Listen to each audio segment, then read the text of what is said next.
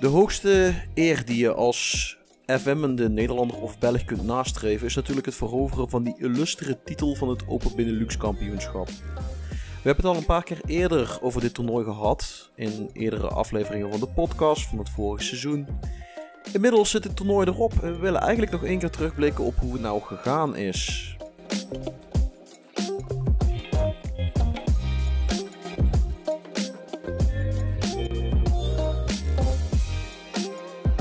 De Football Managers United podcast.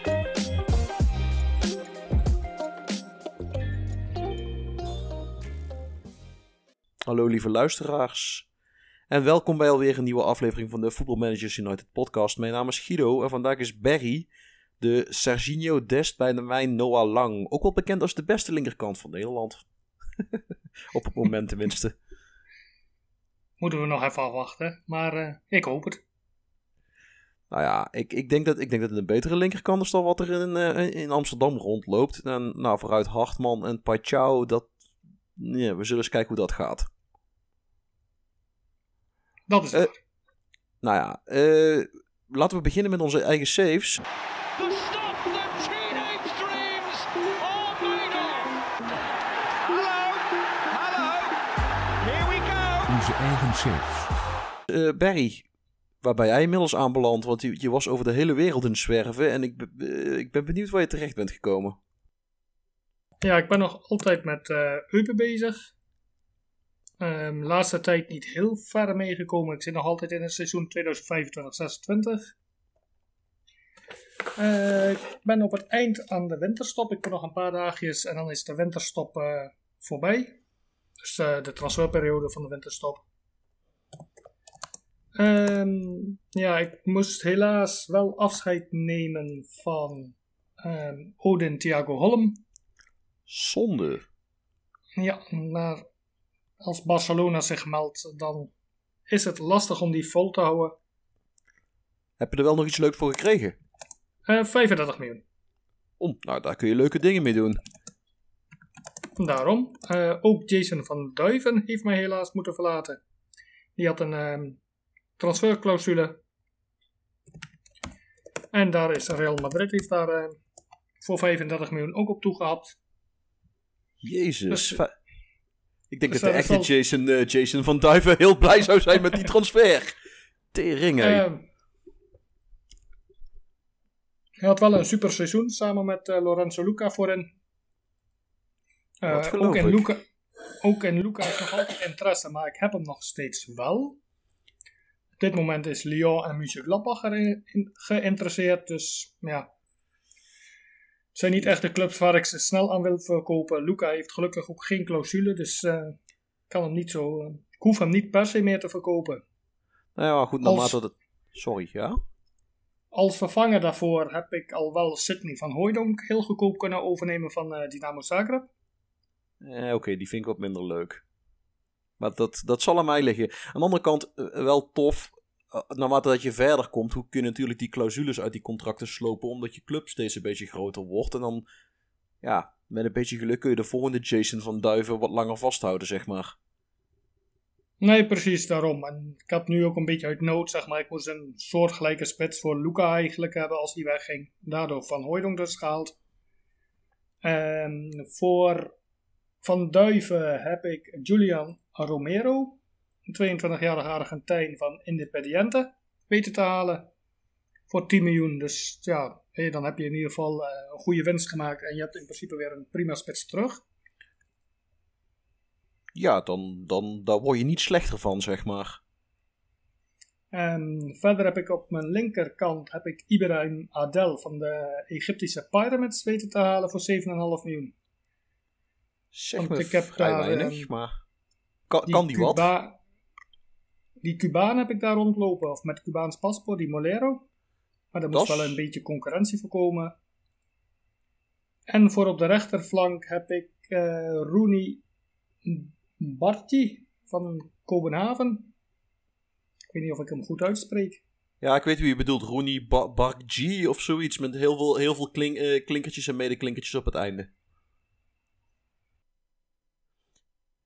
Eh, Oké, tof. En, en hoe, hoe nu verder van daaruit? Nou, we staan in ieder geval ehm, na 21 wedstrijden ruim bovenaan. 20 gewonnen, 1 gelijk. Alleen bij Club Brugge hebben we gelijk gespeeld. In de Champions League zijn we op de 13e plek geëindigd. In een pool met uh, Rosenborg, Benfica, Paris Saint-Germain, Atletico, Besiktas, Leverkusen, Liverpool en Napoli. Oké. Okay. Dus uh, met, is... uh, met een paar fikse nederlagen. Uh, Liverpool 4-1 uitverloren. Paris Saint-Germain was in Eupen met 1-4 te sterk. Of eigenlijk in Sint-Truiden, want we hebben in Sint-Truiden lopen voetballen.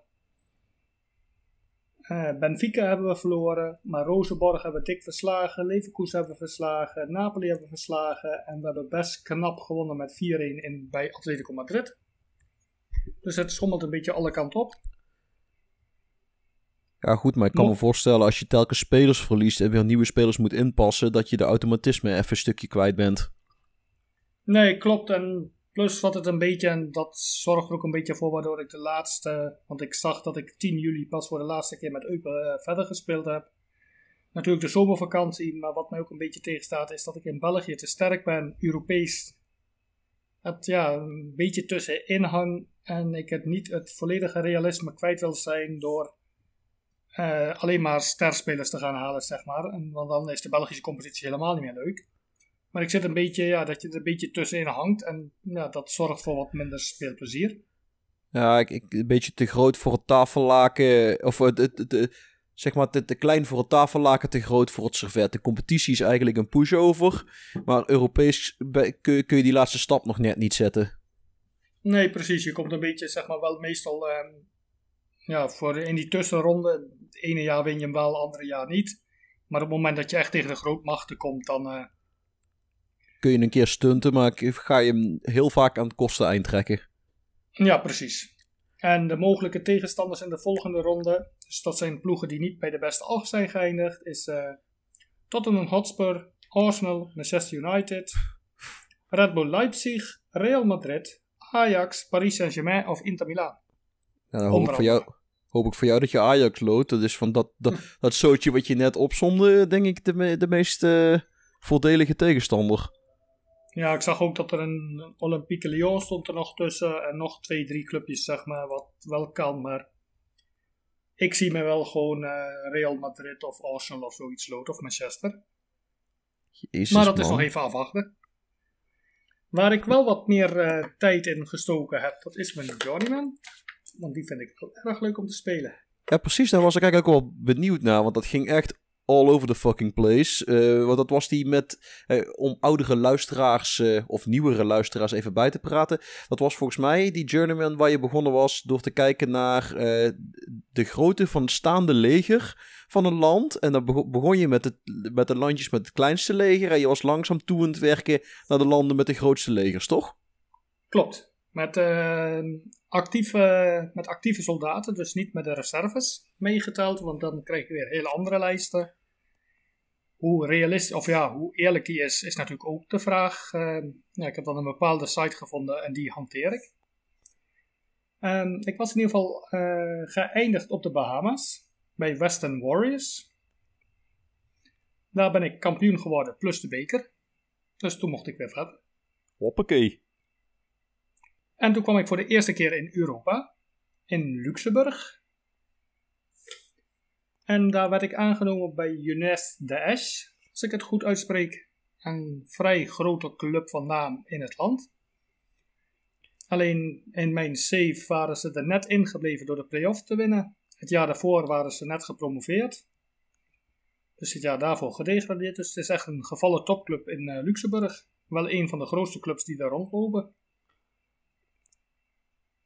Nou, daar weer aardig wat spelletjes kunnen halen. Redelijk uh, gemakkelijk. En de competitie liep niet heel soepel. Ik had er uh, voor de eerste keer dat ik er echt uh, wel een beetje werk van moest maken. Maar dat Ah, ja. liep, ja, is ook wel een keer leuk in plaats van dat je gewoon eigenlijk op eh, klik, klik, klik en je bent er doorheen. nee, dat, dat snap ik. Want je wil op een gegeven moment ook wel een keer uitgedaagd worden. In plaats van elke keer gewoon hetzelfde trucje uithalen. Oh, ik heb een standaard dingetje wat werkt. Dat laat ik in. Daar zoek ik de juiste spelers bij. En verder. Op een gegeven moment ben je daar denk ik ook wel klaar mee. Wil je gewoon iets nieuws doen. Want ja, wat is er anders leuk aan? Precies. En mijn eigen, ja, mijn favoriete spelertje, Mathieu Royan. Wat ik al in eh, diverse landjes heb weten mee te halen die wou wel komen, maar dan voor een salaris van 5000 per maand. En dat eh, kon ik niet betalen in Luxemburg. Ik denk dat de winterjasjes een beetje erg duur waren daar. Ja, en volgens mij gaat er ook niet zo heel veel geld om in, uh, in die competitie. Nee, klopt. Maar je had toch best wel een leuk, uh, op zich wel een leuk budget waar je best wel leuke dingen mee kon doen. Ook wel leuke spelletjes kunnen halen. Alleen toen ben ik een beetje de fout ingegaan met uh, hoe ik eigenlijk deze Journeyman speel. En dat is eigenlijk proberen natuurlijk in een jaar een prijs te pakken zodat ik door kan. En eigenlijk uh, niet op de dingetjes te letten wat wel belangrijk zijn. Want op een gegeven moment, uh, ja, het ging gewoon heel erg lekker. We stonden mee bovenin. We deden mee voor Europees voetbal. En toen had ik zoiets van, ja, als ik hier Europees haal, is het misschien wel leuk om nog een jaartje langer te blijven. Maar toen was ik dus vergeten om bepaalde contracten te gaan verlengen. Of spelers die meteen aangaven niet te wouden verlengen. En dan zou ik toch wel een beetje mijn beste spelers kwijtraken. Dus ja, toen had ik zoiets van, ja, dan wordt het opnieuw bouwen. En dan gaan we toch maar zorgen om die prijzen te pakken. Uiteindelijk zijn we kampioen geworden, plus de beker. Dus ik mocht, weer ik mocht weer verder. Tussendoor ben ik ook even bondscoach geweest van de Bahamas. Nou ja, als je dat... Ja, je, ik, ik... je was er al een keer geweest, hè, dus dan kun je net zo goed nog een keer terug. Ja, en ik miste toch wel een beetje mijn uh, zwembroek en de zee. nou ja, dat, die, uh, dat regen en de kou, dat vond ik toch niet altijd even leuk. Als je het dan toch in Europees speelde en je had toch maar één wedstrijdje in de week, ja, dan kun je ook net zo goed uh, tijdens een interlandperiode even twee weekjes zonne, zonnebaden. Ja, maar aan de andere kant, Luxemburg heeft ook zijn voordelen. Daar kun je goedkoop tanken. Dat is absoluut waar. Nou, bij de Bahama's liep het niet heel erg lekker. Uh, want ja, de competitie was nog wel te doen met wat uh, paar buitenlandertjes erbij. Waaronder dus die Mathieu Rouillon van de Seychelles. Maar het nationale team was niet echt een succes. Ik had wel één of twee wedstrijdjes weten te winnen. Maar ja, echt succes zag ik daar niet zitten. Ja, ondertussen was ik kampioen in Luxemburg en toen kon ik door naar de Belize. Daar ben ik bij de Belmopan Bandits terechtgekomen. Het klinkt wel tof. Ja, die hebben ook best een heel leuk logo. Waar, waar moeten zij... we aan denken dan? Omschrijf het dus. Heel even snel kijken. De Belmopan Bandits. Ja, die hebben een, ja, een soort Outlaw met zo'n. Uh, gewoon een ge gezicht met een rood logo, een gezicht erbij. En die heeft dan zo'n hoofddoekje wat wappert, zeg maar. Of als je gewoon iemand op, op zo'n uh, op zo'n motor, uh, zo'n zo'n tourmotortje ziet rijden zonder helm. Ja, ja, een beetje een soort gestileerde piraatachtige met zo'n bandana om zijn kop, ja, twee klopt. oorbelletjes in. Beetje Sons of Anarchy-achtige toestand. Juist, precies. Ja, het ziet er wel cool uit, inderdaad. De Belmopan uh, Bandits. Zij hebben een uh, openings- en een sluitende kampioensgroep. En je wordt daadwerkelijk ook echt gewoon de kampioen van de openingsfase. Die speelt ook Champions League. En van de sluitende stage, die speelt ook Champions League. Dus ja, ik had zoiets van, als ik een van de twee prijzen pak, telt die voor mij ook. Ja, kun je verder. En omdat ze tweede zijn geworden, beide competities hadden ze het jaar daarvoor dik verloren van de grote rivaal. Dus ik speelde ook daar in de CONCACAF Champions League. Oeh. Maar dat gaat pijnlijk worden, want dan kom je ook Mexicanen en Amerikanen tegen. Uh, nee, die kom je pas later tegen. Je hebt daar de uh, Noord-Amerikaanse uh, begingroep, zeg maar, met daar zit dan vooral Amerika-Mexico in. Hmm. Je hebt de, Cari de Caribische zone en je hebt het ah, Midden-Amerika. Oké, okay. ja, dan heb je er even iets minder last van. Tenminste, vooralsnog. Nou, en ik ging op zich vrij goed in de openingsstage. En ja, ik vond de competitie niet zo heel erg leuk. Dus ik had zoiets van: als ik hier kampioen word, dan hoop ik al na een halfjaartje weg te kunnen gaan. Maar ondanks een eerste nederlaag tegen Olympia tegen, uit Honduras, en begon het best wel lekker te lopen in de Champions League. Olympia was wel veel te sterk in twee wedstrijden, maar ik wist een ploeg uit Guatemala, Marguense, te verslaan. Eh, Santa Tecla uit El Salvador wist ik van gelijk te spelen en van te winnen. En ik wist Ocotal uit Nicaragua ook twee te verslaan. Dus ik werd tweede in de, in de groep. En dan staat het zo heel leuk dat je gekwalificeerd bent. Maar dan krijg je dus nog weer een soort play-off. Toen had ik zoiets van, nou ja, als ik die weet te winnen. Ik moest tegen Municipal uit Guatemala. Had ik zoiets van, nou ja, als ik die win en ik kom in die volgende ronde, dan, ja, dan speel ik dat sluitende deel ook nog maar. Je Ik wist uit met-. Ja, ik wist uit met 3-2 te winnen. Dus ik had zoiets van, oeh, ik, ja, dat kan nog wel eens een halfjaartje langer gaan duren. Maar thuis kwam ik snel met 1-0 achter en direct naar rust een rode kaart. En uiteindelijk verloor ik hem met 3-0. Au. Dus ja, dat was dan helaas daar het einde. En toen kon ik dus even verder kijken. Ondertussen was ook de Afrikaanse, ja, het WK van Afrika, of ja, het EK van Afrika, de African De Afrika Cup of Cup. Nations. Ja, de Afrika Cup was gespeeld. En Nigeria had de bondscoach ontslagen. Super Eagles. En toen had ik zoiets van, eh, ik verwacht het niet met de clubjes die ik achter mijn naam heb gehad. Want, ja, om heel eerlijk te zeggen, ik weet niet hoe... eh, Five Islands, Red Star, Youth Milan, Steve Biko, Western Warriors, Juneus de S en de Bandits. Het, eh, Maar het, het, het loopt niet over, nee. het zijn niet echt namen waar je echt wild van wordt. Maar Nigeria heeft vertrouwen in mij. Dat is wel Want leuk. ik kreeg, ik kreeg de baan aangeboden. Ik heb twee wedstrijden voor het WK nu mogen spelen. Tegen Burkina Faso en Sierra Leone uit. Beide wedstrijden gewonnen. 2-1 bij Burkina Faso en 4-2 bij Sierra Leone. En bekende spelertjes daar is Oshiman van Napoli. Loopt daar nog steeds voor in en rond. Oh, maar die zal toch ook wel op leeftijd zijn inmiddels. Die, even kijken, even snel. Het is niet de jongste ploeg, in ieder geval, want ik heb ook Troost Ekong achterin lopen.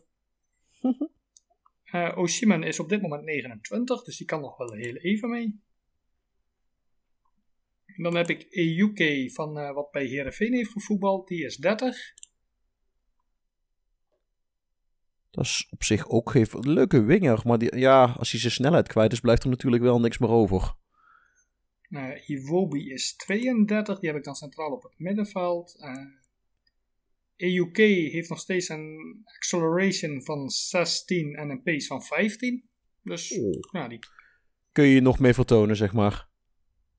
En dan heb ik natuurlijk eh, onze grote vriend uit Amsterdam, Kelvin Bessie.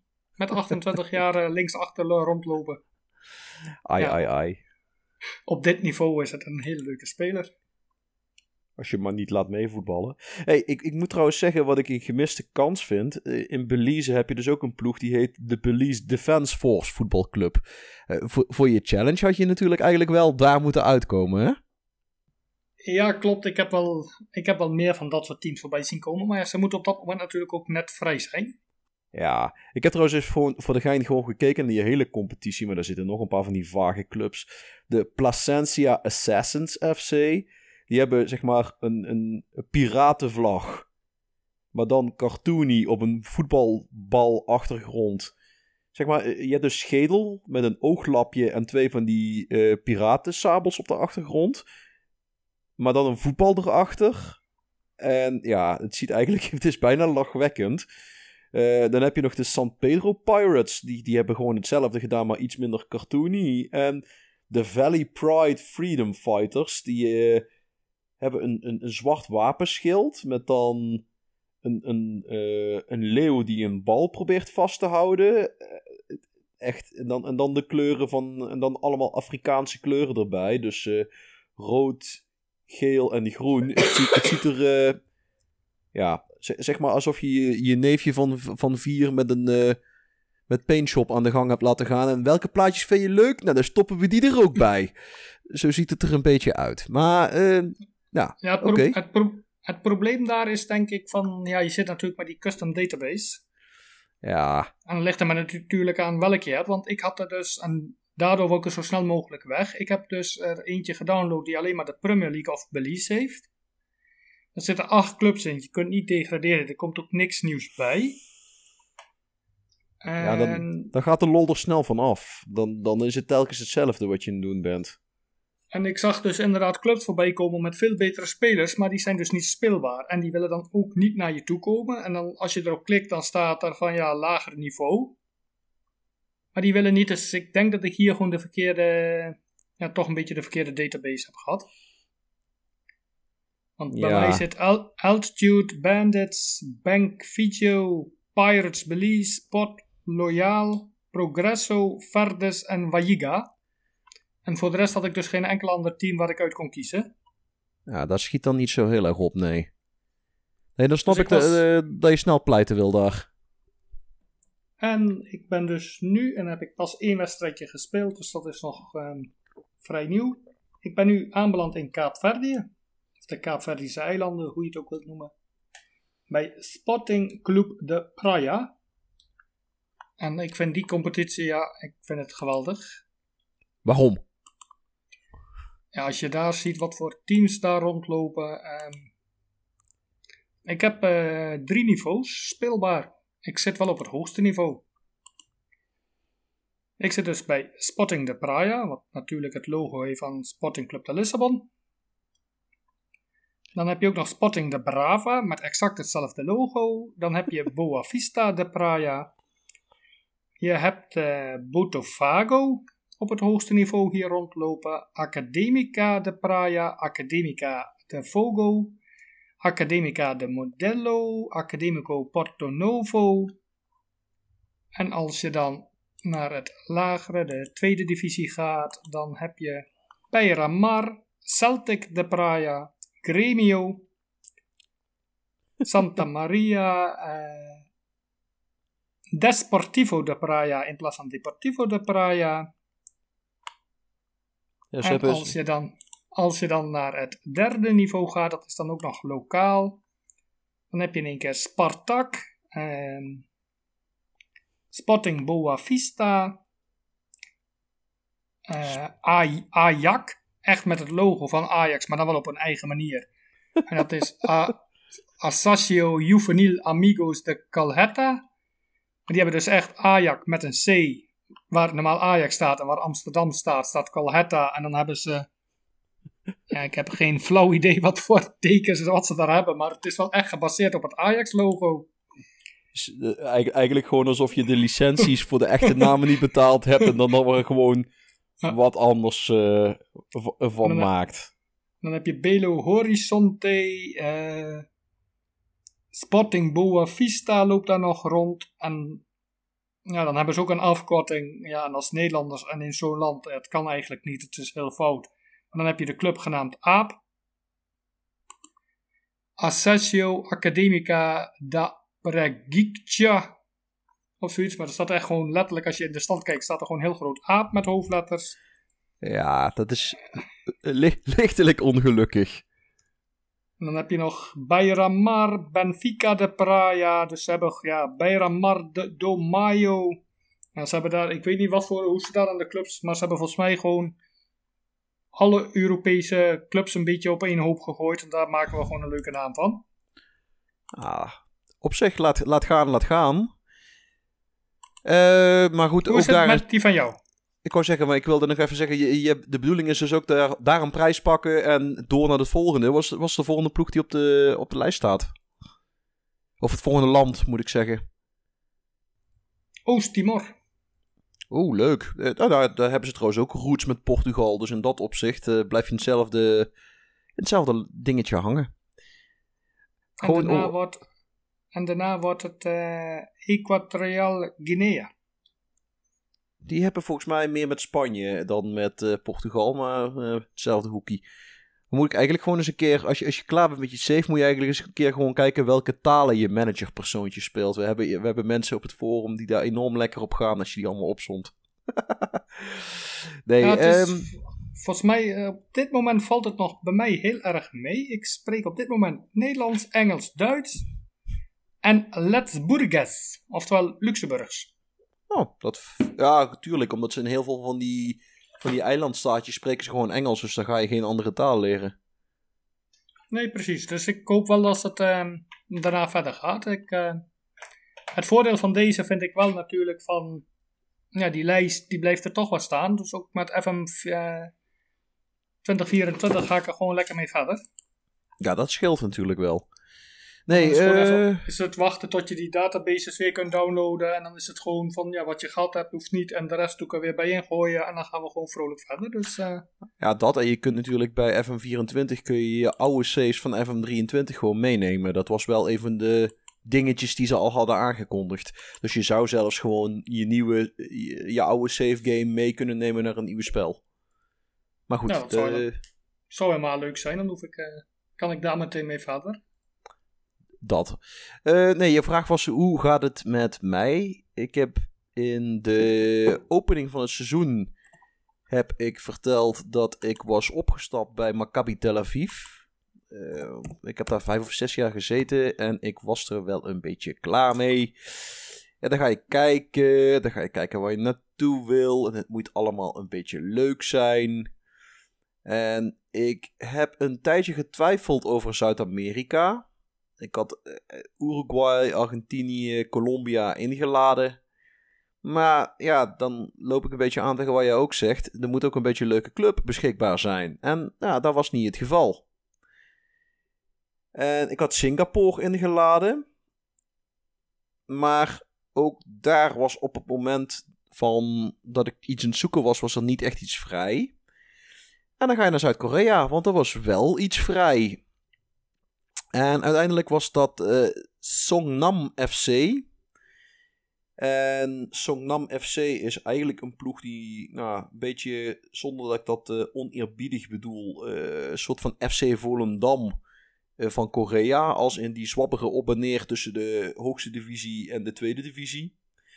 En dan promoveren ze weer eens een keer. En dan spelen ze weer een paar jaar op het hoogste niveau. En dan degraderen ze weer. En dan blijven ze wat langer op het tweede niveau hangen. En dan promoveren ze weer. Enzovoort, enzovoort, enzovoort.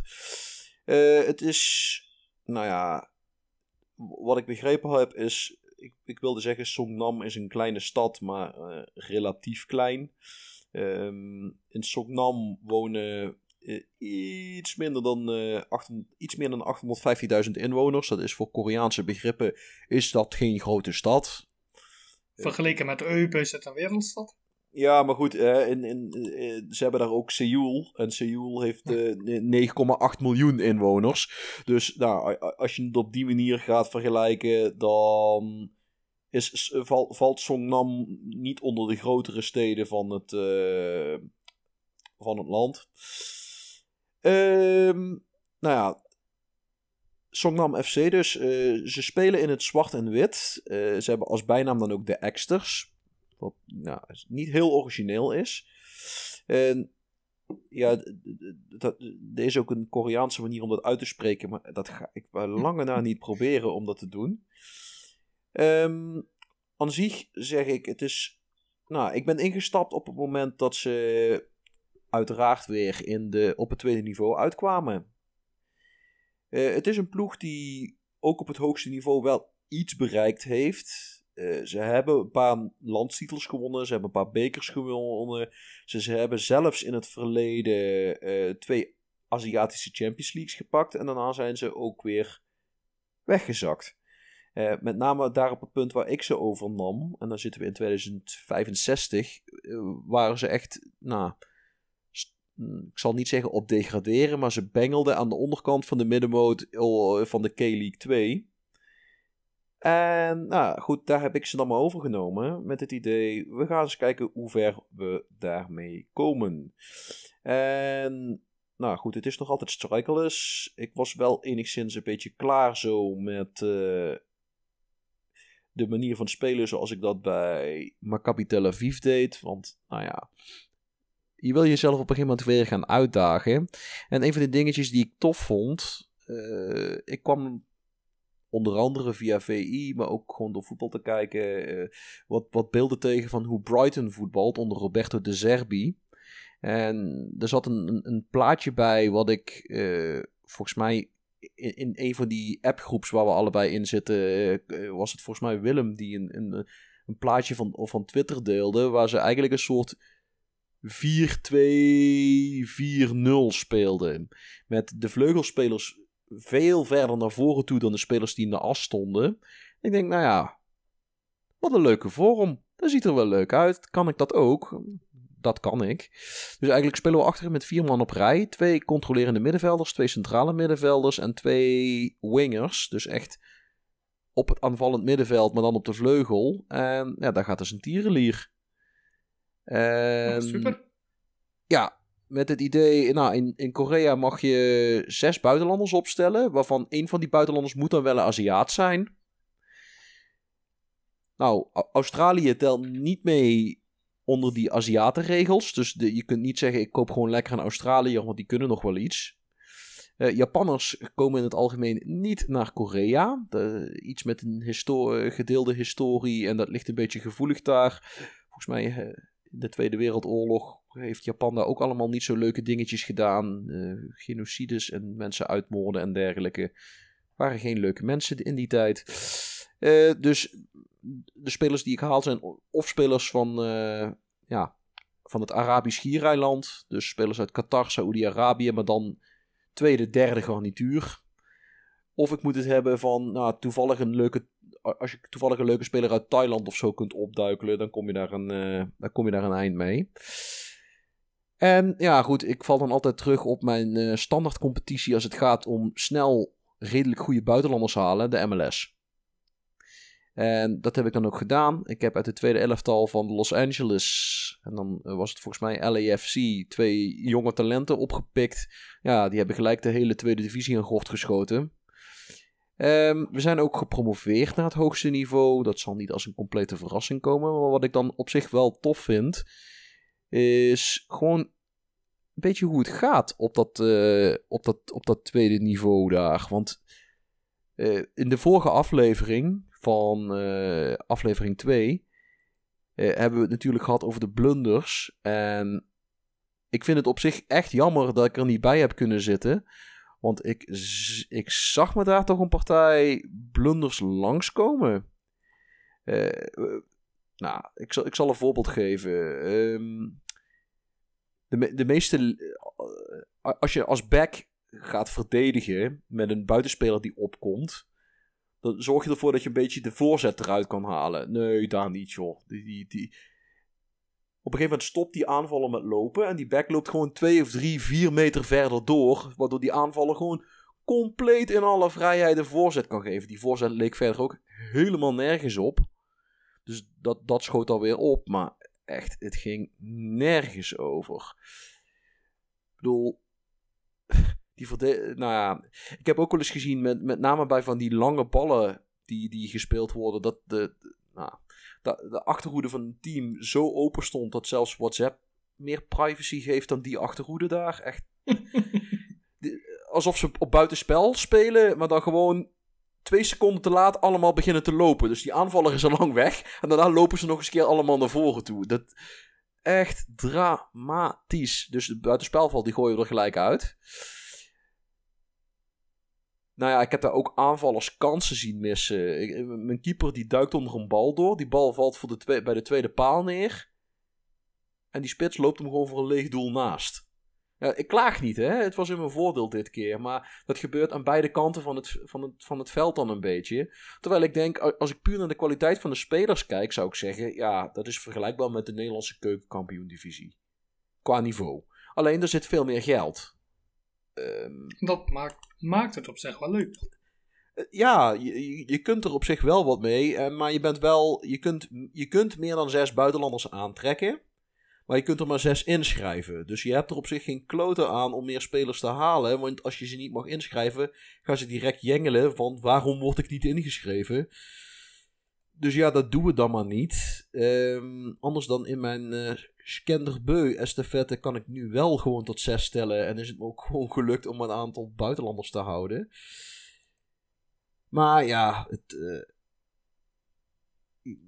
de, ik heb daar dingen gezien en dingen zien gebeuren van... Ik, ik vond het hilarisch. Uh, we gaan, komend jaar gaan we weer de K-League One in.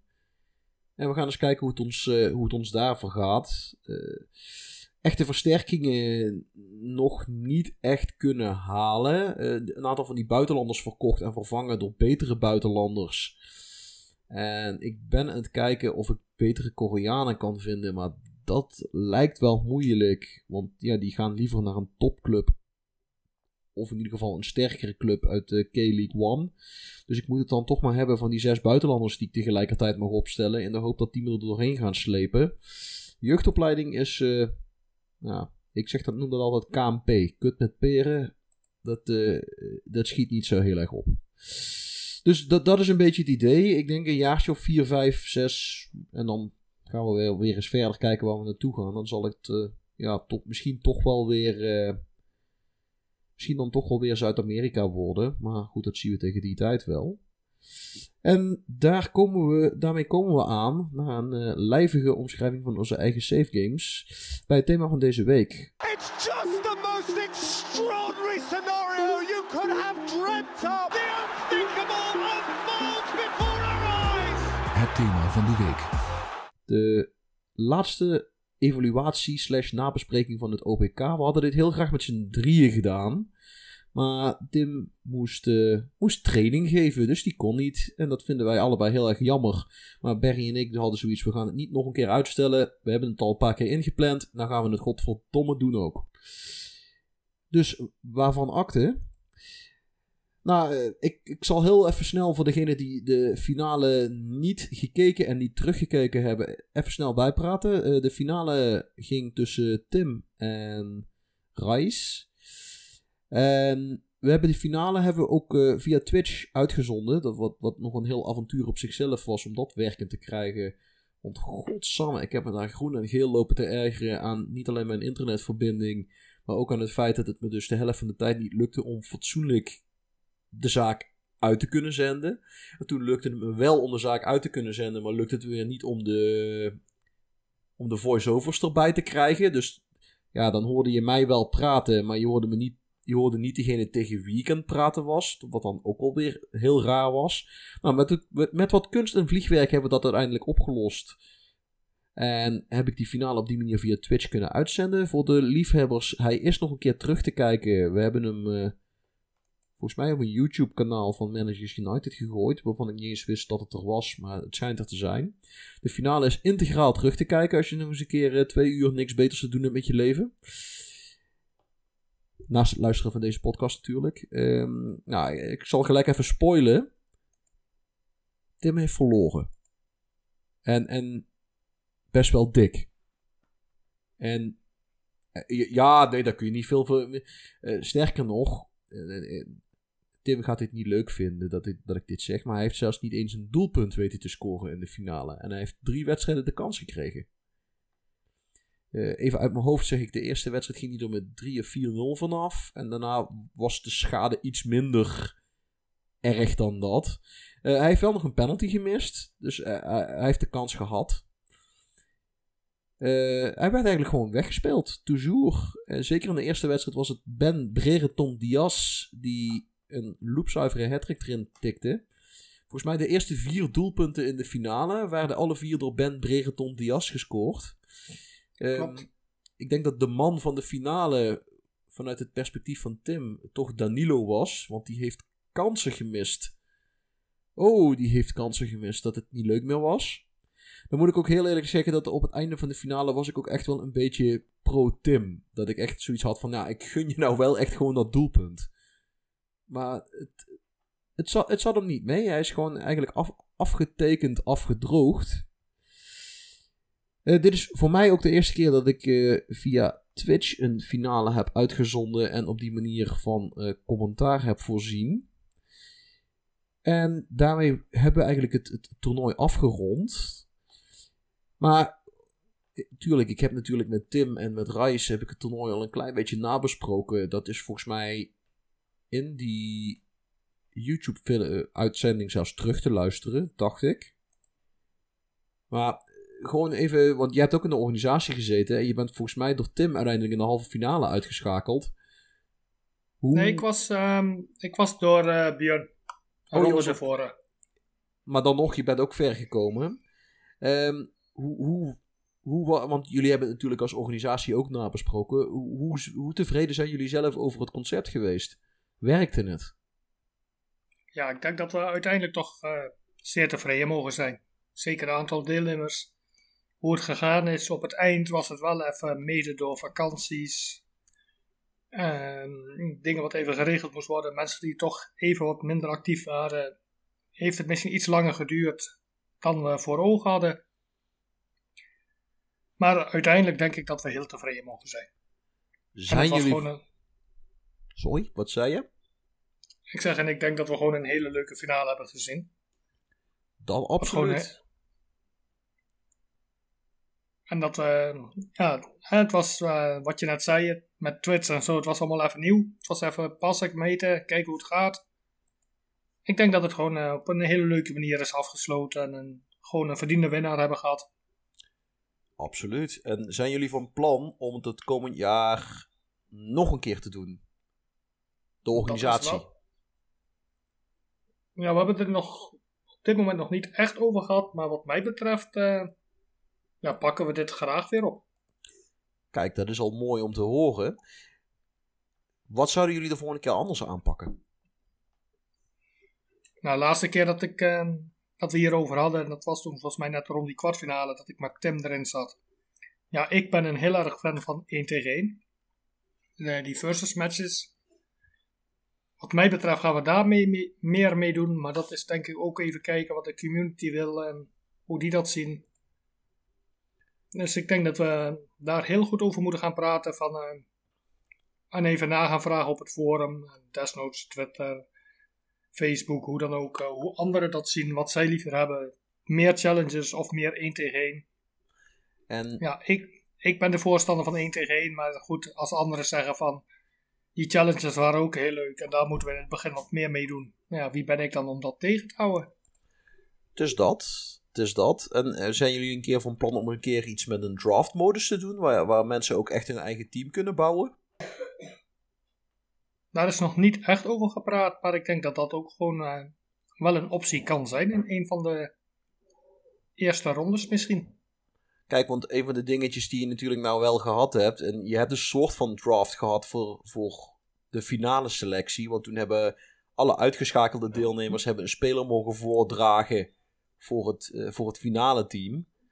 Maar dat is toch anders dan wanneer je echt zelf je eigen team mag samenstellen. Wat je in een draft natuurlijk kunt doen. En ik snap ook het grote nadeel van een draft. Want je moet met 2, 4, 6, 8 of hoeveel mensen je wil spelen. Zul je tegelijkertijd online moeten zijn en ombeurten die speler moeten kiezen. En dat, dat vraagt wel wat. Want uh, de mensen die onder andere naar onze afleveringen over die grote multiplayer save geluisterd hebben. Weten hoe lastig het is om meer dan twee mensen tegelijkertijd op hetzelfde moment online te krijgen. Sterker nog, wij vanuit deze podcast weten al hoe lastig het kan zijn om drie mensen op hetzelfde moment tegelijkertijd online te krijgen. Waarvan acte, want we zijn met z'n tweeën. Uh, dus aan de ene kant denk ik, het, het, het zou, ik zou het ontzettend tof vinden, omdat dan naast het, het spelen van de wedstrijden ook het, het bouwen van een team meer naar voren komt. En hoe goed ben je in zelf je team bouwen? En nu krijg je, krijg je, je krijgt een team aangereikt en daar zul je het mee moeten doen. Behalve bij die challenges dan. Daar, daar kun je dat wat meer laten zien. Ja, uh, qua challenges was het natuurlijk ook. Uh, als je die eerste had waar je naar de winterstop pas uh, aan de slag kwam. Hè, met de club die onderaan stond in de championship. Ja, daar kon je ook eigenlijk al niks mee. Ja, op een gegeven moment kwam ik erachter dat je eh, nog wel transfervrije spelers kon halen. En je kon er nog maar eentje inschrijven. Als je er dan vijf haalt, heb je er ook weinig aan. Nee, dat is waar. Dat is waar. Maar je kunt wel huren hè, in de championship. En dat, dat... Ehm, ja, maar als je er maar eentje kon inschrijven, bleef je nog op hetzelfde zitten. Je, was, je had nog maar één vrije plek. Ja, oké, dat is waar. Dat, dat, dat schiet dan inderdaad niet zo heel erg op. Kijk, Maar met, de, met de tweede, met Schalke, daar kon je dan wel. Hè, daar had je dan wel. Dat was één volledig seizoen. Dus daar kon je doen, wat, en doen en laten wat je wou. Met de financiën die er natuurlijk mogelijk waren. Dus daar kun je dan wel je eigen teampje een beetje bouwen. En met die laatste, wat in die groepsfase was, met eh, daar in Australië. Daar was ook de transferperiode van de eerste dingen uitgeschakeld. Dus dan moest je ook tot aan de winter moest je het doen met het team wat er stond. Ja, daarom zeg ik, en ik zou, ik zou het op zich wel tof vinden om ook die squad building en dat scou- eh, misschien zelfs een stukje scouting ook, ook op die manier terug te kunnen laten komen. Maar ik snap ook dat daar het, een groot nadeel aan zit van je moet gewoon mensen tegelijkertijd online krijgen. Want via een forum de draft doen, dat is... Ja, eh, ik zeg, het, het is te doen. Maar dan voor de organisatie is de penswerk van heb ik jou daar. Nee, klopt. En ja, het voordeel, of ja, het voordeel van op het forum is dan dat je bijvoorbeeld gewoon een deadline van twee weken zet. En dan mag iedereen daaruit kiezen. En dan heb je twee weken de tijd. Ja, doe je het online, ja, dan moet natuurlijk wel op die dag iedereen kunnen. Ja, dat. En ja, kijk, als je met z'n tweeën speelt, dan gaat het nog. Maar als je al met z'n vieren speelt, dan wordt het al tricky. En als je al met meer dan vier man in, in, in een draft zit, ga er maar aan staan. En iedereen moet een stabiele verbinding hebben. Oh, daar valt er weer eentje weg. Oh, de kat heeft over de router in gepist. Of weet, weet ik veel wat het is. En daar ga je al. Nee, dus ik, ja, ik, help hem. Ik, ik heb zelf, ik heb het zelf in script gezet, maar ik weet ook dat er haken en ogen aan zitten. Dus het zou, het zou wel tof zijn. Ehm, heb, hebben jullie ik denk- voorkomen... Oh, sorry, ja? Ja, ik denk ook dat dat dingen zijn waar we gewoon de komende tijd gewoon even rustig over moeten praten. En gewoon even lekker moeten gaan doen. Gewoon kijken. En eventueel ook eh, de rest van het forum daar ook op vragen van wat zijn jullie voorkeuren? Hoe zien jullie dat? Wat, wat heeft jullie voorkeur? En dan gewoon democratische beslissingen laten nemen. Kijken wat, waar de meeste mensen voor zijn. Kijk, eh, perfect kun je het nooit doen van hoe je het ook gaat doen. Er zijn altijd mensen die het liever anders zien, die het anders denken. Maar ja, je zal toch ergens een besluit moeten gaan nemen. En dan is het Nee. gewoon, denk ik, eh, gewoon heel belangrijk om gewoon eens even gewoon met z'n allen lekker te brainstormen van wat kan er beter, eh, wat willen we anders, wat kan er anders. En dan eens even kijken wie, eh, hoe en wat. Maar ik denk wel dat deze versie wel een, in ieder geval een mooi opstartje eh, sinds vele jaren was. Om hier toch wel een jaarlijks iets van te kunnen maken. Want de potentie is er. Ik, ik denk inderdaad dat het draagvlak er, absoluut is. Eh, hebben jullie nog ideeën om... Want je gaf zelf al aan, de activiteit was af en toe... Zeker in de eerste, in bij die challenges, was het niet altijd je van het. Hebben jullie nog ideeën om, om daar iets mee te doen? Of hoe je dat misschien op gang zou kunnen trekken? Nou ja, ik vind dat ook vrij lastig. Omdat ja, als zoiets natuurlijk opgegooid wordt, dan heb je in het begin heel veel mensen. Ja, leuk, we doen mee. En het mooie is ook dat er ook echt wel mensen hebben meegedaan die op het forum relatief rustig zijn. Of waar je weinig van hoort en ziet. ook mensen die eigenlijk alleen maar doen meelezen. Eh, zelfs mensen die het via zeg maar, de social media voorbij hebben zien komen, zich daar speciaal voor hebben aangemeld en heel leuk hebben meegedaan. Ja, het is natuurlijk, ja, je houdt natuurlijk altijd mensen die het in het begin eh, heel leuk lijken, zich opgeven, maar ja, je houdt natuurlijk altijd ook dingen in real life en noem maar op, eh, wat, eh, wat het lastig kan maken. Ja, en als, als je iets opgeeft wat over twee maanden is, ja, niemand weet hoe jouw leven over twee maanden is. Dus ja, om inactiviteit tegen te gaan, ik denk dat het heel moeilijk is. Ja, ik, tuurlijk, ik was er al bang voor, maar hè, je, weet het niet. Eh, een van de dingetjes die ik hoop eigenlijk dat we dan gewoon kunnen werken, is dat we de status van het OPK zouden kunnen verhogen. Ik bedoel, het is nou wel leuk dat we een, een sponsor, dat er een sponsor ger- eh, geregeld is in de vorm van eh, Mystery Shirt United. En ja, het zou hartstikke tof zijn al- als we het meer status zouden kunnen geven. Misschien zelfs door een, eh, een, een, bekende, een bekende Nederlander of bekende Belg te, te zoeken die, uh, die voetbalmanager speelt. Nou, nou weet ik toevallig wel dat die er zijn. Om, om maar eens een voorbeeld te geven. Jordi Amali van ESPN is een... En, en, zelfs een niet onverdienstelijke voetbalmanagerspeler. Uh, om, om, om er nog eens een andere tegenaan te gooien. Uh, Peter Quint, uh, Tweede Kamerlid voor de SP, is een, uh, een voetbalmanagerspeler.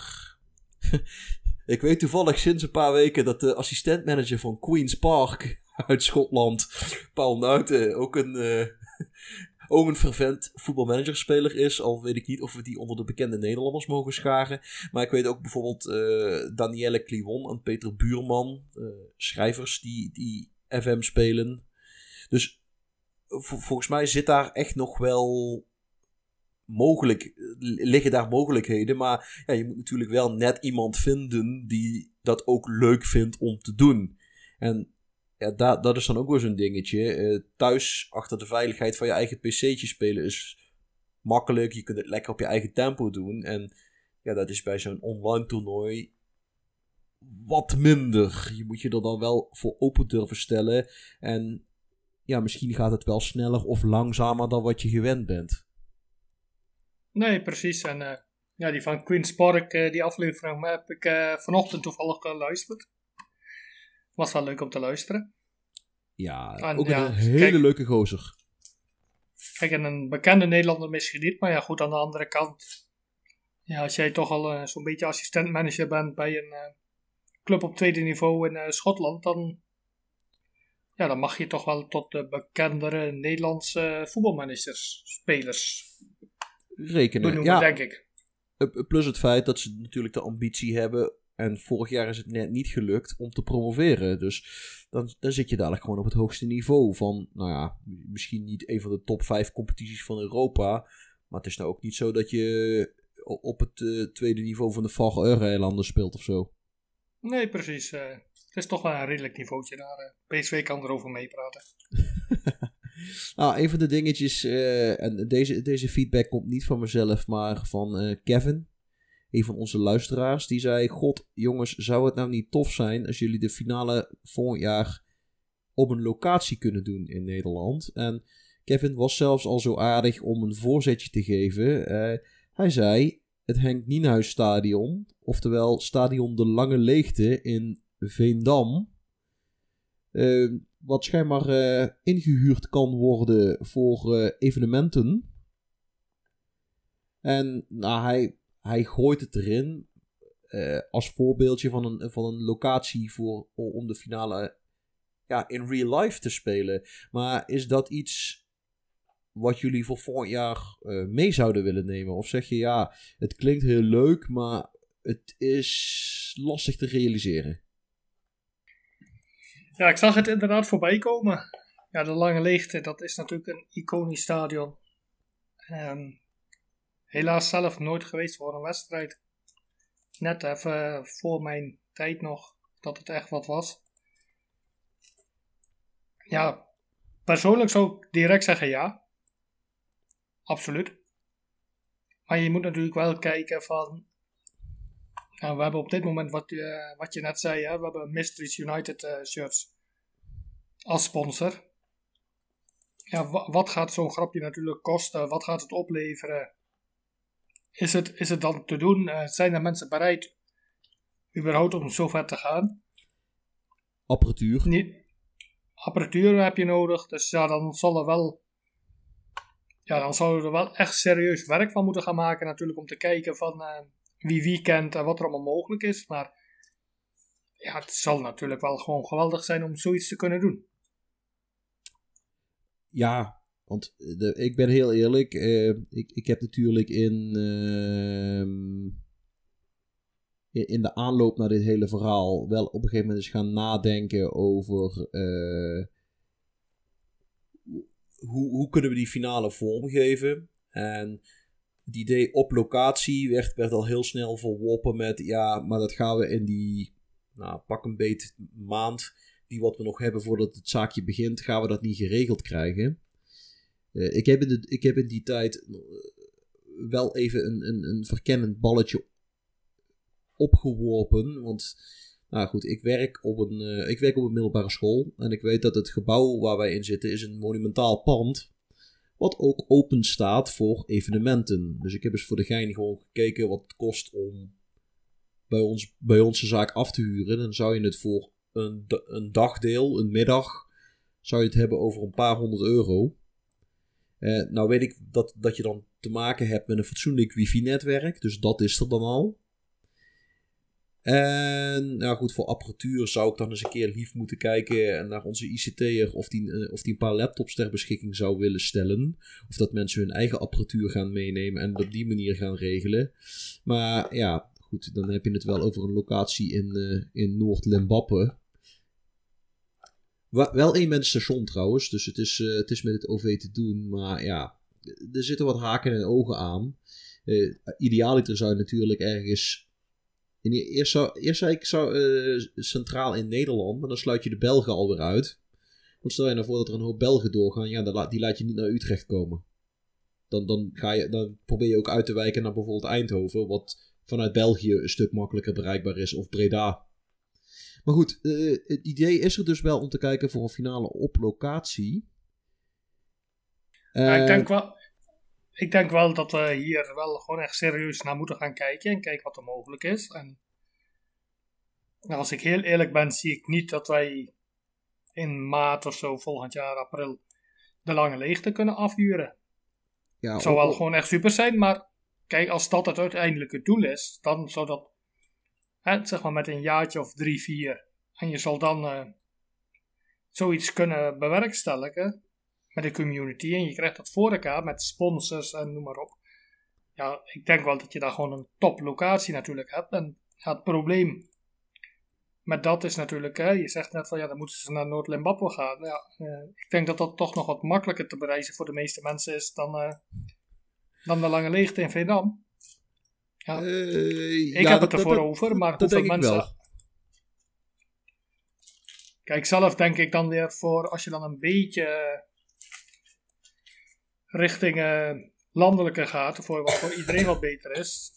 Ja, zelf, dat is dan, ja, staat niet in het script, komt nou een, eh, toevallig in mij op, de Wageningse Berg. Maar is, dat, is, die, is die nog open? Want volgens mij was dat stadion wel echt een vervallend raken.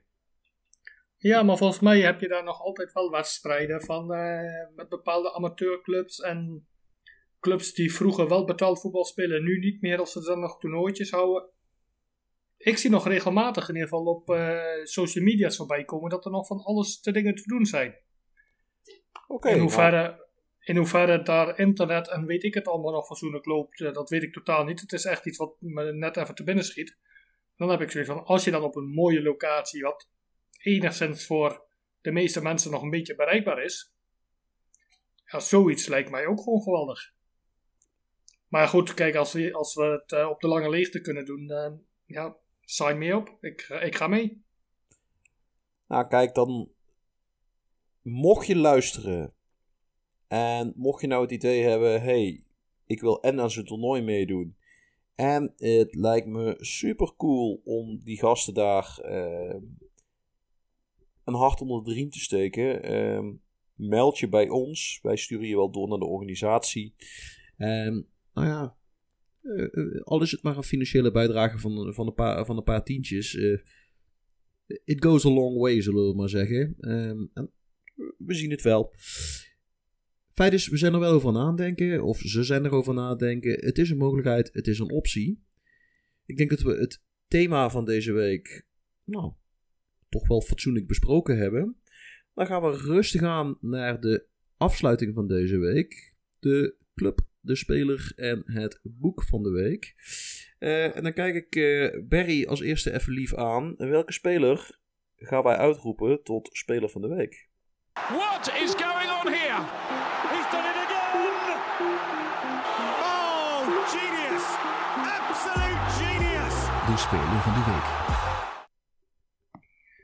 Ja, dat is een oude bekende voor voornamelijk de Nederlandse voetballiefhebber. Topscorer van de Eredivisie. Moeten we wel ongeveer een jaartje of tien terug. En dat is onze IJslandse vriend Alfred Finn Bogason. Oké, wat een aparte keuze. Hoe zijn we daarbij gekomen? Ja, heel verrassend. Hij heeft sinds een paar weken getekend voor mijn clubje Kasseupen. En stelt, stelt het nog wat voor in voetbalmanager, onze Alfred? Ja, uh, zover als ik ben, is hij niet meer speelbaar. Want hij is inmiddels. Uh... Oud. Maar ik heb. Ja, hij is. Uh, even kijken. Geloof ik op dit moment is hij 34 uit het hoofd. 1, nee, even kijken. 1 februari 89. Ja, dat zou 34 ongeveer zijn. Kijk aan, kijk aan.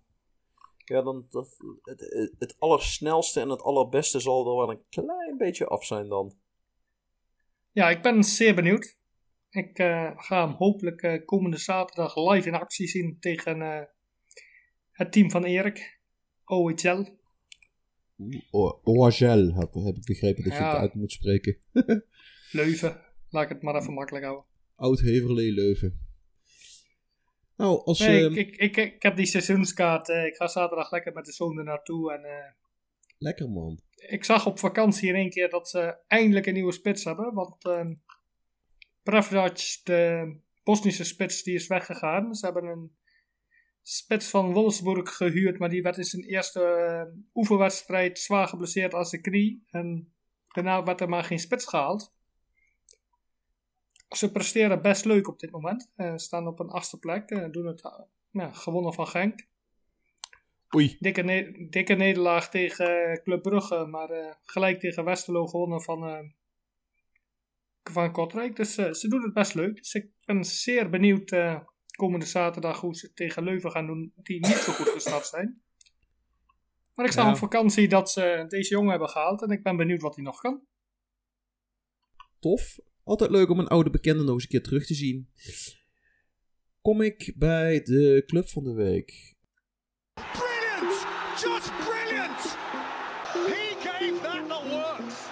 Oh, what about that? What about that? De club van de week. Ik heb gekozen voor de club uh, Kashiwa Raisol uit de Japanse J-League. Nou, ik heb, al, uh, ik heb al eens een keer heel kort een, uh, aangehaald dat ik in nog een estafette zit. Uh, dan zijn we ooit begonnen in Albanië bij Skenderbeu. Daarna zijn we doorgegaan naar Saoedi-Arabië, naar Al-Agdala. En inmiddels zijn we bij onze derde club in die estafette aanbeland. En dat is Kashiwa Raisol. Dat is gewoon een hartstikke leuke club. En ja, ik baal er echt nog steeds als, als een stekker van dat de J-League niet speelbaar is standaard in Football Manager. Dat zal waarschijnlijk ook nooit gaan gebeuren om nou, iets met licenties. En de licentie voor de J-League ligt bij Konami. En Konami gaat die niet met Sega delen, enzovoort, enzovoort, enzovoort. Dus je gaat die J-League nooit krijgen. Nou, via allerlei custom files is het wel gewoon te doen om speelbaar te maken.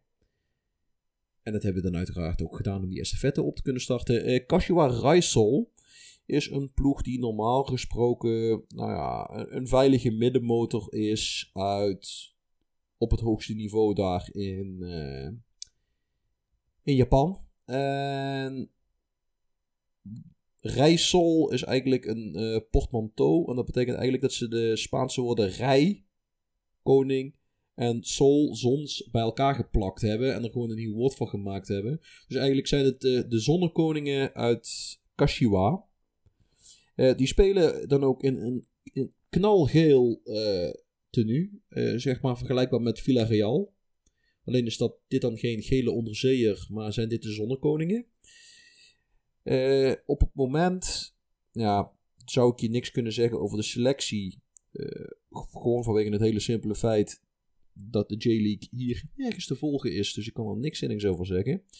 Ze hebben wel een aantal grote namen in het verleden gehad, waaronder de Brazilianen Cesar Sampaio en Careca. Uh, Risto Stoichkov, het Bulgaarse enfant terrible, heeft nog in de nadagen van zijn carrière kort daar gespeeld. Uh, Seido Doumbia heeft er onder contract gestaan, de Ivoriaan, die, als ik het even goed zeg, uh, ook onder contract gestaan heeft bij AS Roma en CSKA Moskou. En onder andere nog heel even bij Newcastle op huurbasis gespeeld heeft. Die heeft dus in het begin van zijn carrière dan weer bij Kashua Reisel gespeeld.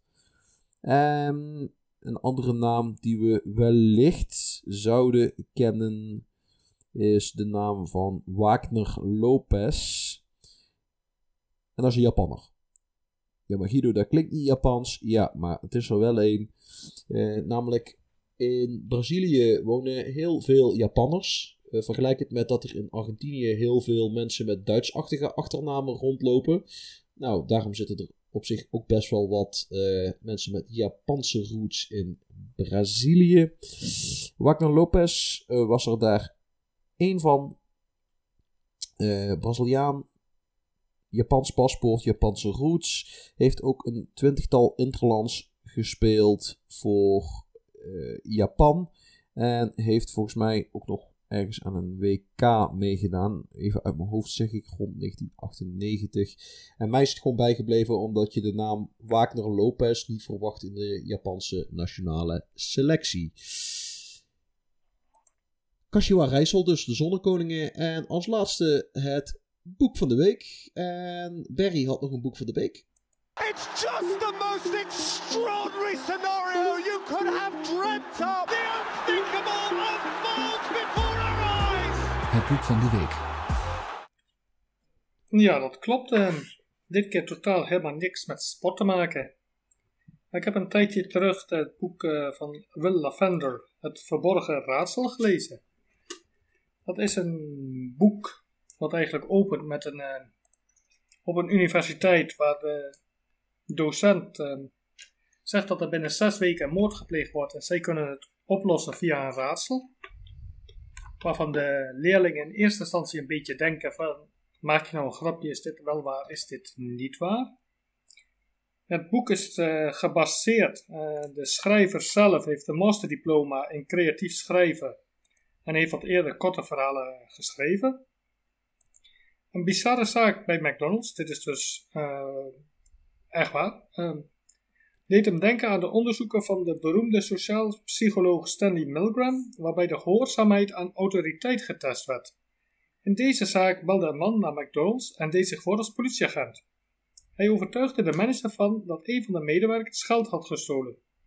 Via de telefoon kreeg hij van de manager gedaan dat het meisje in kwestie volledig vernederd werd. Gebaseerd op deze feiten en de intelligerende omgeving van een universiteit heeft Lavender een razend knappe thriller geschreven over de grenzen van onze wil. Dus het is eigenlijk een. Ja, het boek is een beetje. Ja, het is fictie, maar wel een, op een bepaalde manier. En, en het staat er ook van hoe ver zou jij gaan voor iemand die je niet kent? Dus je krijgt de opdracht om een eventuele moord te kunnen oplossen, maar hoe ver ga je in je wil om dat op te lossen voor iemand die je totaal niet kent? Ik vond het een heel ja, ik vond het een hele knappe thriller. En ik kan hem echt aanraden. Zonder te veel spoilers te geven. Kijk. Ik wil zeggen, ik, heb, ik ben wel in allerlei boeken bezig, maar ik heb er geen uit. Dus ik kan ook geen, andere, ik kan ook geen voetbalboeken als alternatief aanleveren. Hoeft ook verder helemaal niet. Daarmee zijn wij aan het einde gekomen van aflevering 3 van dit seizoen. Ik wil jullie bedanken voor het luisteren naar deze podcast. Als je vragen wil insturen, dan kan dat via Twitter, @merigido, of je stuurt een mailtje naar podcast.manunited.nl. Als je zelf een keer mee wilt doen, als je suggesties hebt voor andere onderwerpen, als je vragen nog een keer hebt, of stel je voor je hebt een idee voor een ander onderwerp, Laat het ons weten, we staan ervoor open. Vergeet niet om je te abonneren op onze podcast, dan krijg je een heads-up als we een nieuwe aflevering droppen. Een rating van het liefst natuurlijk 5 sterren op je medium naar keuze zouden wij ook erg prettig vinden. En daarmee zijn we aan het eind gekomen van deze aflevering. Tot de volgende week. De Voetbal Managers United podcast.